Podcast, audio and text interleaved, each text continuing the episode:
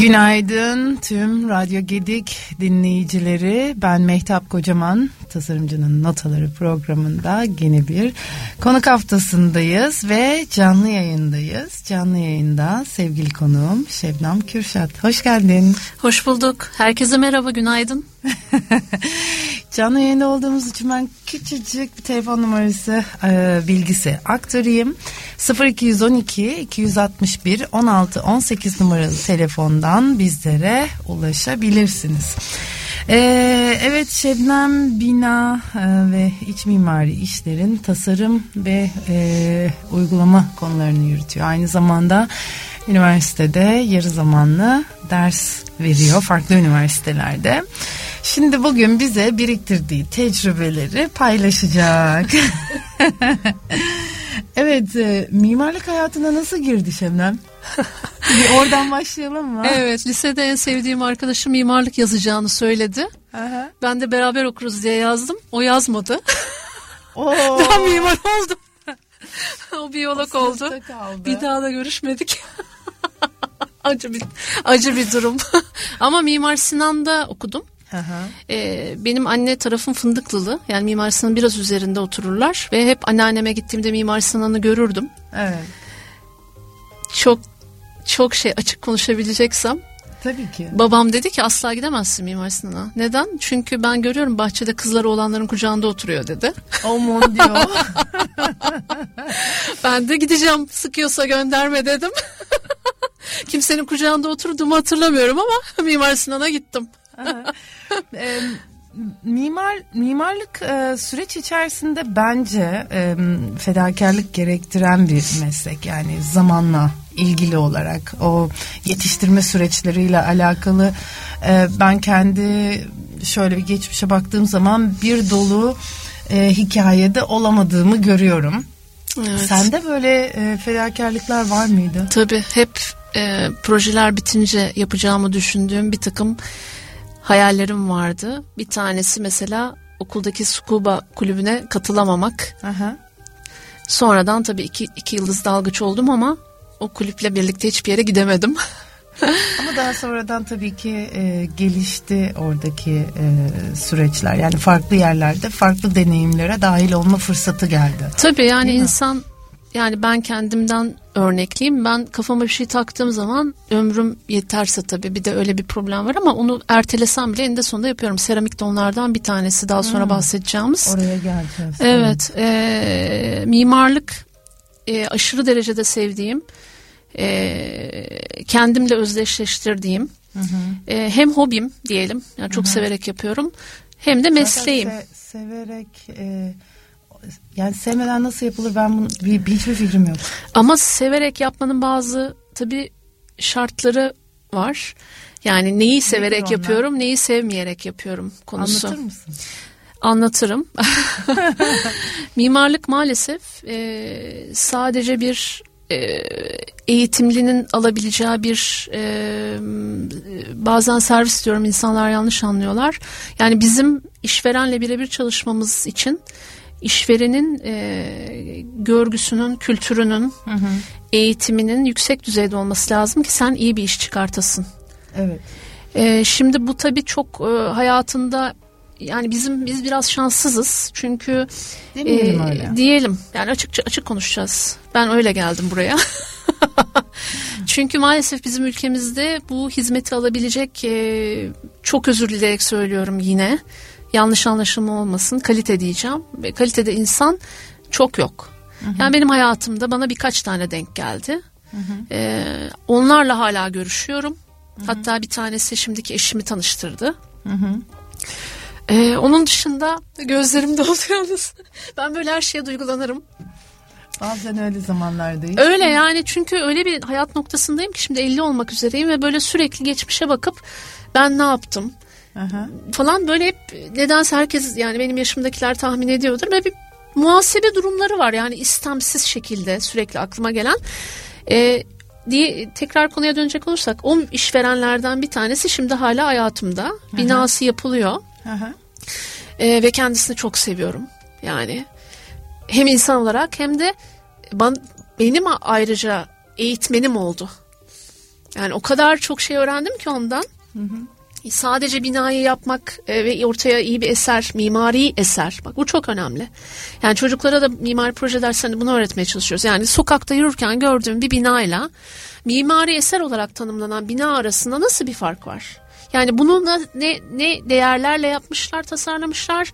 Bunu nasıl dü- dü- düşünüp tasarlamışlar? Yani ikisi arasında o kadar çok fark var ki insanın ömrüne eğer çok agresif değilsen yani işte pazarlama, dijital bilmem ne, dergilere paralar yani ofis kalabalık olacak, ofiste bir sürekli grafik tasarımcı olacak, bir metin yazarı olacak, senin yaptığın Evet. işleri yayınlayacak falan filan öyle bir karakterde değilsen e, ve bu e, nasıl diyelim hırs içinde değilsen diyelim bence doğru oldu.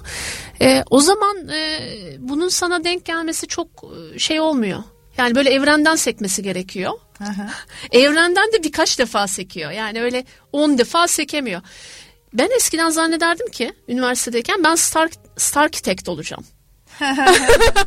yani ben işte e, Zaha gibi olacağım. Çünkü Zaha bizim okula gelmişti. Daha o kadar Aha. meşhur değildi. Yani Zaha'yı görünce ya tamam yapılabilir falan gibi zannediyorsun tamam mı? Öyle değil yani ekip işi çok büyük bir prodüksiyon lazım bilmem Çok ne lazım falan filan. Müthiş bir organizasyon lazım. Haklısın. Şimdi bu organizasyonu yönetmek başka bir karakter.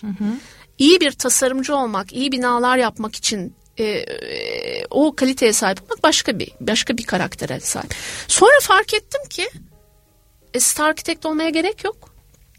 Çünkü dünyada bazı mimarlar var ki yine çok çok güzel binalar yapıyorlar ama lokaller. Yani mesela hayatında 10 Daha tane bina yapıyor. Ama herkes de biliyor ve müthiş güzel şeyler yapıyorlar. Yani neden onlardan biri olmayasın? Şimdi o noktaya geliyor. Dolayısıyla Ya da onlardan biri nasıl olabilirsin? onlardan biri olabilirsin. Çünkü o iki üç tanesi sana denk geliyor. Sadece yapman gereken biraz kendini sıkıştırıp o yaptığın iyi binayı biraz basmak yani bir- birileriyle paylaşmak gerekiyor. Çıktığı zaman ortaya. Yani durum bu. Ee, bina e, tasarlama ve e, uygulama süreçlerine biraz değinelim istiyorum. E, bu süreçler her biri için e, nasıl farklılaşıyor? Ee, yani her işveren ayrı bir data. Aha. Şimdi biz e, maalesef bu çok zor bir konu. Onu bir üzerinden geçmek lazım. Mimar olarak ürün hazır değil. Şimdi sen diyorsun ki birisine ya bu bunu ben sana öyle güzel yapacağım ki vallahi billahi çok güzel yapacağım ha. İnanacak sana. Okey. Bütçeyi aşmayacağım. Zamanı açmayacağım. Tabii bunu sen diyorsun. Yani ben diyorum. Ama demeyenler varmış. Onu da yeni öğrendim. Şoka girdim. Yani bütçeyi küçük gösterip zamanı küçük gösterip zaten yıktığın zaman adam eline düşüyor ya. Aha. Sonra diyorsun ki ben bunu bu kadar yapamıyorum. Bak ne oldu falan filan ver para. Bu kadara yetmedi süre ver süre falan. Şimdi biz o karakterde olmadığımız için onu ona böyle gerçekçi bir portre çiziyorsun. İşte şu kadara mal olacak. Sorumluluk bilinciyle. Ha işte yanlış şeyler bunlar. Yanlış yani doğru olmadığını anlıyoruz da piyasa e, çerçevesinde. Evet. Fakat yapacak bir şey yok. Karakter bu. Ondan sonra o da sana inanacak. Şimdi ne oluyor? İşveren geliyor. Ben, ben çok uluslu şirketlerle çok çalıştım. Yani dünyanın her yerinden müşterim oldu. İngiltere'den, Singapur'dan, Amerika'dan, Almanya'dan, değişik ülkelerden proje yöneticilerim oldu. Yani uluslararası proje yönetmesini bilirim şimdi söylemesi ayıp. Ee, bir data gerekiyor. Şimdi sen tek başına tabii affedersin uydurarak yapamıyorsun. Şimdi söyleyemedim yayındayız. Dolayısıyla diyorsun ki e, sen nasıl çalışıyorsun kardeşim? Ama insanlar nasıl çalıştıklarını bilmiyorlar çok ilginç. Yani onların üst düzey yöneticileri de bilmiyor, HR'ları da bilmiyor, finans yöneticileri de bilmiyorlar. Ve orada bir içeride bir ofis politics dönmeye başlıyor. Yani şimdi mimara ben da- daha çok masa yaptırırsam ileride üç tane daha adam mı alacağım, dört tane daha mı alacağım? Sıkışmayayım, rahat olayım, bu kadar daha fazla dolabım olsun. Hepsi yalan dolan. Ben yaptığım e, interiorlarda, iç mimarlıklarda genellikle ofis yaptım. Aha. Evde böyle. Yani bana bu kadar daha dolap lazım. Ne yapacaksın? Ne bileyim ben atıyorum bizde çok mevlüt olur. Yani aslında plastik tabakla da halledebilirsin ya da işte ne bileyim bilmiyorum catering'e verebilirsin falan. Yani değil ama yani onu istiyor. Yapmak zorunda kalıyorsun. Şimdi ofis tarafında bunu aştılar İngilizler. Bir sistem geliştirdiler. E, gizli birini gönderiyorlar ofise. 6 ay bu insanlar nasıl çalışıyor diye gözlemliyor. Gerçekte neye ihtiyacı var yani. Hı hı. Bir de future production, pro, e, production lazım. Yani e, future planning lazım daha doğrusu işte ne kadar küçülecek ne kadar büyüyecek falan filan. Şimdi ne oluyor senin bu datayı alman lazım konuya geri dönersek. Bir de diyorsun ki sen kimsin şirket olarak senin identitin ne? Bununla ilgili çok değişik bir anım var. Hı hı. Şimdi Amerika'da adam da vice president. Yani şimdi adını falan söyleyemem. Gizlilik anlaşmam var çünkü. Dünyanın en büyük mark bankalarından biri. İsimlerle ilgilenmiyoruz. dünyanın en büyük markalarından biri. Dedim ki bana dedim şey verin e, siz kimsiniz? Hani sizin e, şeyiniz ne portföy yani kendinizi nasıl tanıtıyorsunuz? Çünkü bütün şirketlerin var bu. Hani McDonald's'a gidip e, atıyorum şey gibi yapamazsın. E, atıyorum başka bir şirket gibi yapamazsın değil mi? Onun bir şeyi var. Hani bunlar McDonald's gibi değil ama dünyanın her yerinde branchları var. Dünyanın en büyük bankası falan filan. Ben var zannettim. Adam bana ne dedi biliyor musun? Online herkes duyuyor. Çünkü şey yapıyoruz toplantı. We are not McDonald's dedi. Sen bulacaksın dedi. Sonra ben de oturdum araştırdım. Yani bunlar 1800'lerden bir banka. İşte böyle acayip ünlü binalar var falan New York'ta. Onun böyle bir identity'si var falan filan. Buradaki branşa bu küçük bir ofis bir ona bağlı olarak yani o eskiyle yeniyi karıştırarak bir tasarım yaptım. Bence anormal güzel oldu.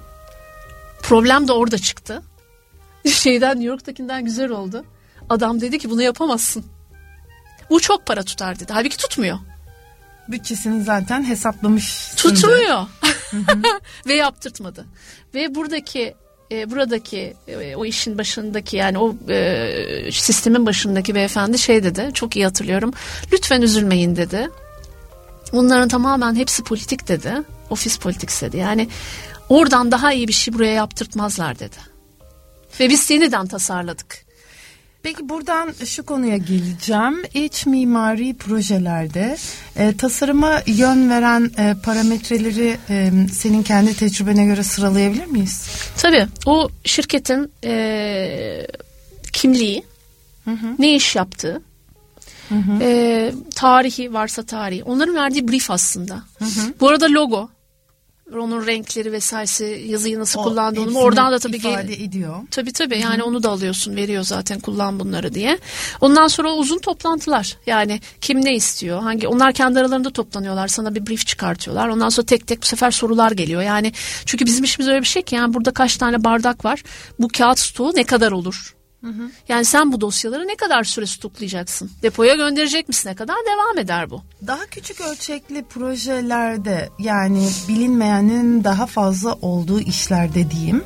E, o zaman e, sana kalan o, yani sana sana ait bir konu haline geldiğinde bu tasarıma nasıl yön veriyorsun? Bazen mesela bir malzeme, bir renk veya bir e, işte bu kavramı belirleyecek bir e, konuyu neye göre yani aslında o tamamen anlamakla ilgili bütün hepsi yani ya ofis ya ev ya fark etmez yani bir restoran e, her şey onlar gibi düşünmeye çalışıyorsun. Onların ne istediğini anlamaya çalışıyorsun. Nasıl mutlu olacaklar ona bakmaya çalışıyorsun. Ne iş yapıyorlar, nasıl çalışıyor? Çünkü çok farklı. Yani zannediyorsun ki sen ofis biliyorsun değil mi? Yok öyle bir şey mesela çok ofis yapıyorsan. Herkes farklı çalışıyor. Herkes farklı. Diyor ki bana diyor çok diyor bavullu adam geliyor diyor. Burada diyor bir hafta çalışıyorlar diyor. Hot desk diyor. işte free desking diyor. Bilmem ne diyor. Bir sürü şey var. Ondan sonra sen oturuyorsun ona göre. Tabii bunlar hep tasdihle de ilerliyor. Yani özellikle proje yöneticileriyle toplantılar yapıp onların notlarını hı hı. hazırlanıp vesaire falan en sonunda freeze layout diye bizim bir şeyimiz vardır. Hı hı. Layout freeze olduktan sonra değiştirtemezler.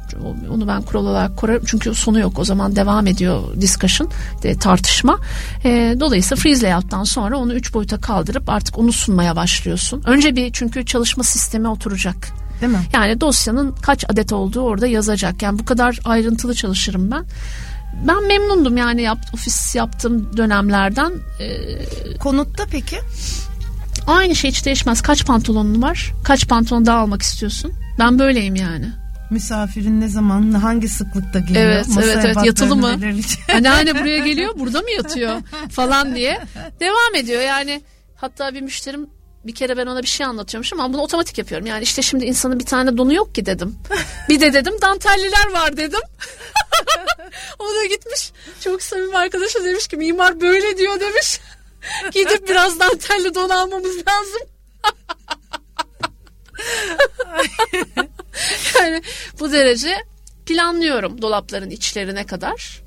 Gizli dolaplara kadar. Aha. Yani yedek anahtarı nereye Kasalara koyacak tabii kadar. kasalara kadar Aha. diyelim. Ee, yani manyak deli bir iş yani Bana hiç gereksiz. kasalı müşteri gelmedi. var var. Şimdi hepsi kasalı canım.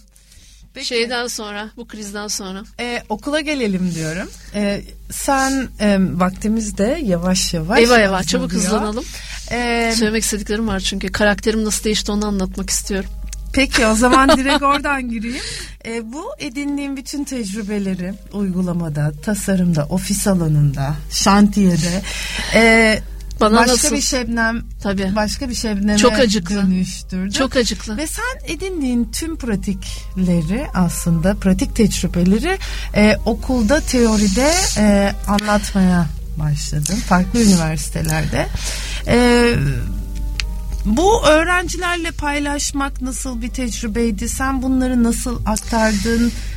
Öğrencilerle önce çok kısa bu meslek ba- bana ne yaptı? Söyle. Çok kısa. Bir kere ben eski Şebnem değilim. Ben küfür eden bir Şebnem oldum. Ben insanlara eğer bana dikleniyorsa özellikle şantiyede gel bakayım ben senin paranı veriyorum diye üstüne yürüyen Şebnem oldum. Şöyle bir anımı paylaşayım. Çok sevdiğim bir anımdır. Demircilerle kamyonda gidiyoruz. Bir yere gidiyoruz hatırlamıyorum şimdi. Adam da yani bizim işçi de arkada anlatıyor. Diyor ki işte kadın diyor evde diyor öyle oldu böyle oldu. Ben de dedim ki bak dedim sen çalışıyorsun o da çalışsın. İki tane maaş girer daha rahat geçinirsiniz daha iyi olur. Hem kadın niye evde oturup tek başına yani öyle işte. Bak dedim bana dedim. Ben ne güzel çalışıyorum dedim. Ne dedi biliyor musun? Ne dedi? Abla sen kadın değilsin ki dedi. Durdu. Nefesimi Adam bana beni başka bir cinsiyete koymuş. Aha. Çünkü başka türlü itaat edemiyor. Şimdi bizim Türkiye'de bir gerçek var yani. Aha. Bir kadın ve kadının konumu gerçeği var şimdi. Ya- Yalan dolan kenara. Biz tamam başka kendimize ait bir dünyada yaşıyoruz ama yani Anadolu öyle değil. Hı hı. Adam beni başka İş bir yere yaptığımız insanlar da öyle. değil. Evet yani. Zannediyorlar Özellikle ki şantiyede. seni sindirebilirler, sana şunu yapabilirler, bunu yapabilirler. Yani ve kötü niyetli insan çok sayıda şantiyede. Dolayısıyla ben bir sert yani özellikle şantiyede diyeyim kendi kişisel ilişkilerimde de ortaya çıkıyor. Bir kere şöyle bir e, mesleki deformasyon nedir ya? Bir şey anlatıyorum değil mi? Başlıyorum ayrıntısına kadar yazıp çizmeye birisine. Ya Emine Hanım var 9 senedir bize geliyor temizliğe. Bana geçen gün ya Şebnem biliyorum anlatma şunu dedi. Ben anlat, anlatmaya devam ediyorum. Bunu öyle yap şunu şöyle yap bunu böyle yap bunu böyle. Yani bu micromanagement duygusu bu Her şeyi kontrol Ay Allah'ım kabus gibi ben anlatamam sana. Bu multifunctioning yani çok e, fonksiyonluk yani elektriği, mekaniği, e, onu döşemeciyi, e, ileri kabayı, inceyi falan öbürü orada yapılırken o onun bilmem nesi nasıl olacak. Yani bu tamam bana çok böyle hani I know Kung Fu gibiyim şu anda. Aha. Yani gerçekten o yüklendi ama bir yandan da böyle bir içten içe beni rahatsız ediyor yani insan özel ilişkilerinde o pantolonu şimdi yani Levent'e niye sen kotla oturuyorsun ki o rö- falan yapıyorum. Yani anlatabiliyor muyum? Kadın git başımdan diyor. Kadın anlatabiliyor bırak beni bırak diyor beni bırak. Aha. Yani bu ne kadar büyük bir hayat hayata etkili bir şey. E, o zaman demek ki şöyle bir şey var. Yani bu bir e, ceket gibi e, işe gidildiğinde giyilip Yok. işten dönüldüğünde çıkartılabilecek bir Yok, ceket yok. gibi e, Ya, anlamak ya da çıkmıyor. onu öyle uygulamak gerekiyor. Yok öyle bir şeyler olmuyor yani. Peki Olmaz. okula dönelim. Okul çocuklar bana öğrettiler.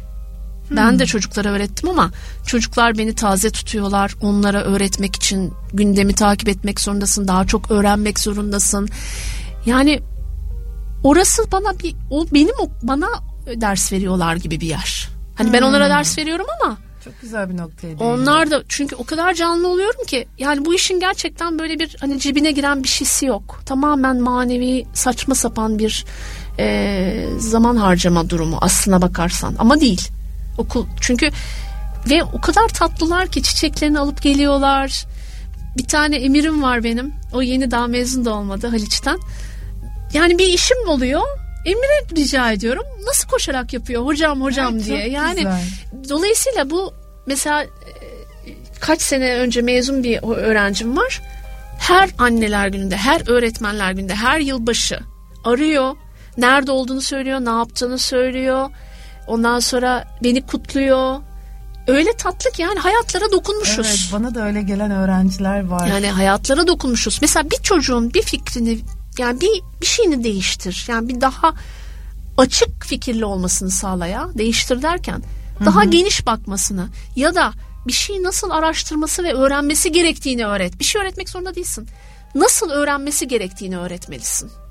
Ben öyleyim Çok yani. doğru söylüyorsun. O zaman önüne ne gelirse çünkü bizim önümüze bir tane bir şey gelmiyor ki mimar olurken. Yani sadece ofis gelmiyor ki sadece ev gelmiyor ki. Sadece o detay gelmiyor ki. Yani mesela çatı öğretirsin de o çatıyı kim yapar? O kafes sistemlere geçmişiz. Onu öğretiyor muyuz? Hayır. Önemli olan önüne gelen şeyi nasıl öğreneceğini öğrenmesi. Ve birisi geldiğinde atıyorum bir malzemeci, bir sistemci vesaire. Doğru mu söylüyor? Onu kandırmaya, satmaya mı çalışıyor? Onu irdeleyebiliyor mu, anlayabiliyor mu? Ben böyle yapmaya çalıştım hep. İnşallah faydalı olmuşumdur öğrencilere.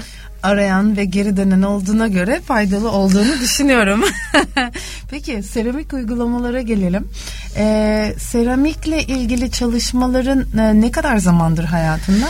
Ha, üç buçuk sene oldu. Fakat bu da aynı e, başka hobilerim gibi azar azar azar azar biriktirdiğim bir şey. İşte koşma vardı biliyorsun. Aa, adım adım. adım adım. Evet. E, dalma vardı falan. Aha. Onun gibi yani ben belli bir yaşa kadar aslında hareket ederek yaptığım şeyleri daha sonra yapamam diye onlara asıldım. Aha. Ee, ondan sonra hani yaşlanacağım hani çok hareket edemeyeceğim diye seramik öyle bir iş. Gerçi o da biraz ağır yani çamurları çek falan onları taşı kolay bir iş değil. Ee, ama daha dingin. Hep daha konsantre, daha içine dönük, daha kişisel yaratıma dayalı. Yani bu işi neden çok seviyorum biliyor musun? Ee, vallahi çok güzel yapacağım demiyorsun. Ya yaptım beğendiysen al diyorsun. Peki son tasarıma nasıl karar veriyorsun? Gene mimarlıktaki gibi e, çizerek veya modelleyerek böyle bir çiziyorum. süreçten geçir, geç, geçiyor musun? Çiziyorum, oranlıyorum e, falan ama seramik müthiş bir e, zaman tüketici bir iş. Yani deniyorsun Hangi olmuyor, bağlamda? Hmm. deniyorsun olmuyor, deniyorsun olmuyor, deniyorsun olmuyor. şey Alevi kadar oldurmaya çalışıyorsun. Evet, tabii Alev. Ebu Ziya'dan duyduğumu söyleyeyim. Aha. Kaç sene dedi? Bir sene mi? Bir seneden fazla galiba bir tane sır için uğraşıyor. Yani düşün. Ve sırları ben yapmıyorum daha. Yani o kadar çamuru alırsın zannediyorsun ya yok çamuru yapıyorsun. Yani e, kimya becerisi gerekiyor. Yani deneme yani zaten benim ömrüm yetmez herhalde. Yani çocukken başlamak gerekirdi ama e, zevk alıyorum. E, Ya da bunu bir işe dönüştürdüğün zaman mı acaba daha fazla vakit ayırıp e, daha Tabii, tabii. farklı şeyler çıkartıyorsun? Yani şöyle bu işin de birkaç şeyi var. Bir commodity yani e, böyle bir sürü yapıp satmaya çalışmak var. Bir restorana bir sürü tabak gibi. Yani ben orasında değilim işin. Çünkü o çok büyük bir gene bir organizasyona dönüşmesi gerekir. Ama yaptığın çalışmaların yani bazılarını ürün olarak e, satışından gelecek olan karı e, yardım amaçlı kullanıyorsun. Ya bir ara öyle bir şey yaptık. Kurtaran e- evi çok seviyorum. Üç tane köpeğim var. İkisi Kurtaran'dan geldi. Biri e, Ataşehir Barınağı'ndan Kadıköy'den. E, tabii hayvanlar çok önemli ve çok kötü durumdalar. Özellikle bu çip meselesi sonrası sokağa atılan hayvan sayısı çok arttı. E, dolayısıyla onların bir şopu var. Kurtaran evin e, oraya koyduğum ürünler onların yararına satılıyor. Aha. Ama ben Çok şimdi güzel. son bir projem var. Yapmak istediğim şey şu. Mimarinin içine giren seramik tasarımları yapıp e, bir arkadaşım var gene beraber iş yaptığımız e, onun mağazası var. Ben koyarım Şebnem satarız dedi. Aa, yani böyle bir harika. tane iki tane öyle hani böyle seri üretim falan öyle şeyler anormal ağır bana. Kafa da öyle bir kafada değil zaten. Hani bir şeyler da- tasarladığımız zaman oraya koyacağız. Öyle kararlaştırdık. O başlayacak şimdi. Harika. Ee, programın e, sonuna geldik. Ben bir son soruyla kapatacağım. Tasarım senin için ne demek? Oo ağır bir soru bu şimdi. Çok ağır oldu. Çok kısa. İlk aklına geldiği gibi. Yani ilk akla gelmek o kadar çok bir, bir, bir sürü şey geliyor şu anda. Seç bir tanesini. Hangisini? Ee, özgün diyelim. Aha. Fonksiyon çok önemli. Özgünlük çok önemli. Ee, bir de egoist olmaması lazım ya. Mesela yani müzeye... Ben ben ben ben. Ya, ben. evet evet evet. Ha, müze yapıyorsun e, eserin önüne geçmeyesin yani. Anlatabiliyor muyum? Biraz Kesinlikle. da mütevazi olması lazım. Evet e, bu haftada bir konuk haftasını tamamlamış bulunuyoruz.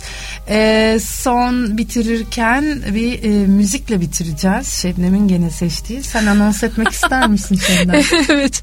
50 yaşın bunalımı. MFÖ'den hamak. Evet bizi dinlediğiniz için çok teşekkür ediyoruz. Ee, önümüzdeki hafta playlist haftasıyla karşınızda olacağım. Herkese iyi haftalar diliyorum. Hoşçakalın, sevgiyle kalın. İşte böyle. Söyle bana ne oluyor? Şarkılarda zaten öyle. Kolay kolay gelmiyor. Bir tuhaf bunalım bu. Egom ağlar Bilirim beyhudedir Bu itiraflar. Duvarlardaki sloganlar Reklamlara dönüştü. Randımanlı gitmiyor işler. Eskiden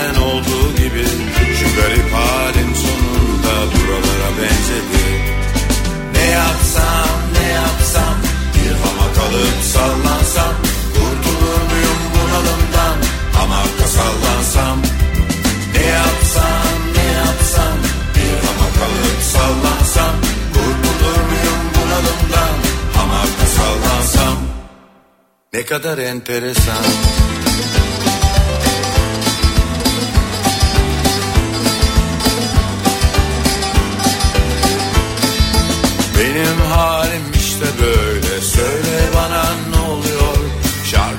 Şarkılarda zaten öyle.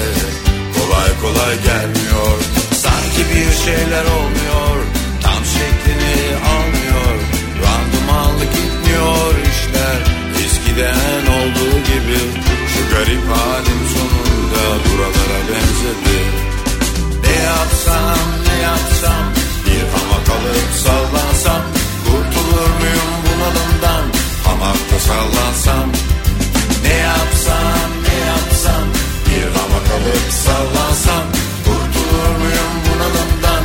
Hamakta sallansam Ne kadar enteresan